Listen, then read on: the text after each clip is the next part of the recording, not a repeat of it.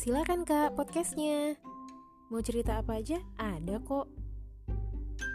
Yuk sini, sama-sama bersila dengan Kania di Silakan Podcast. Tiap minggu bakal ready cerita baru.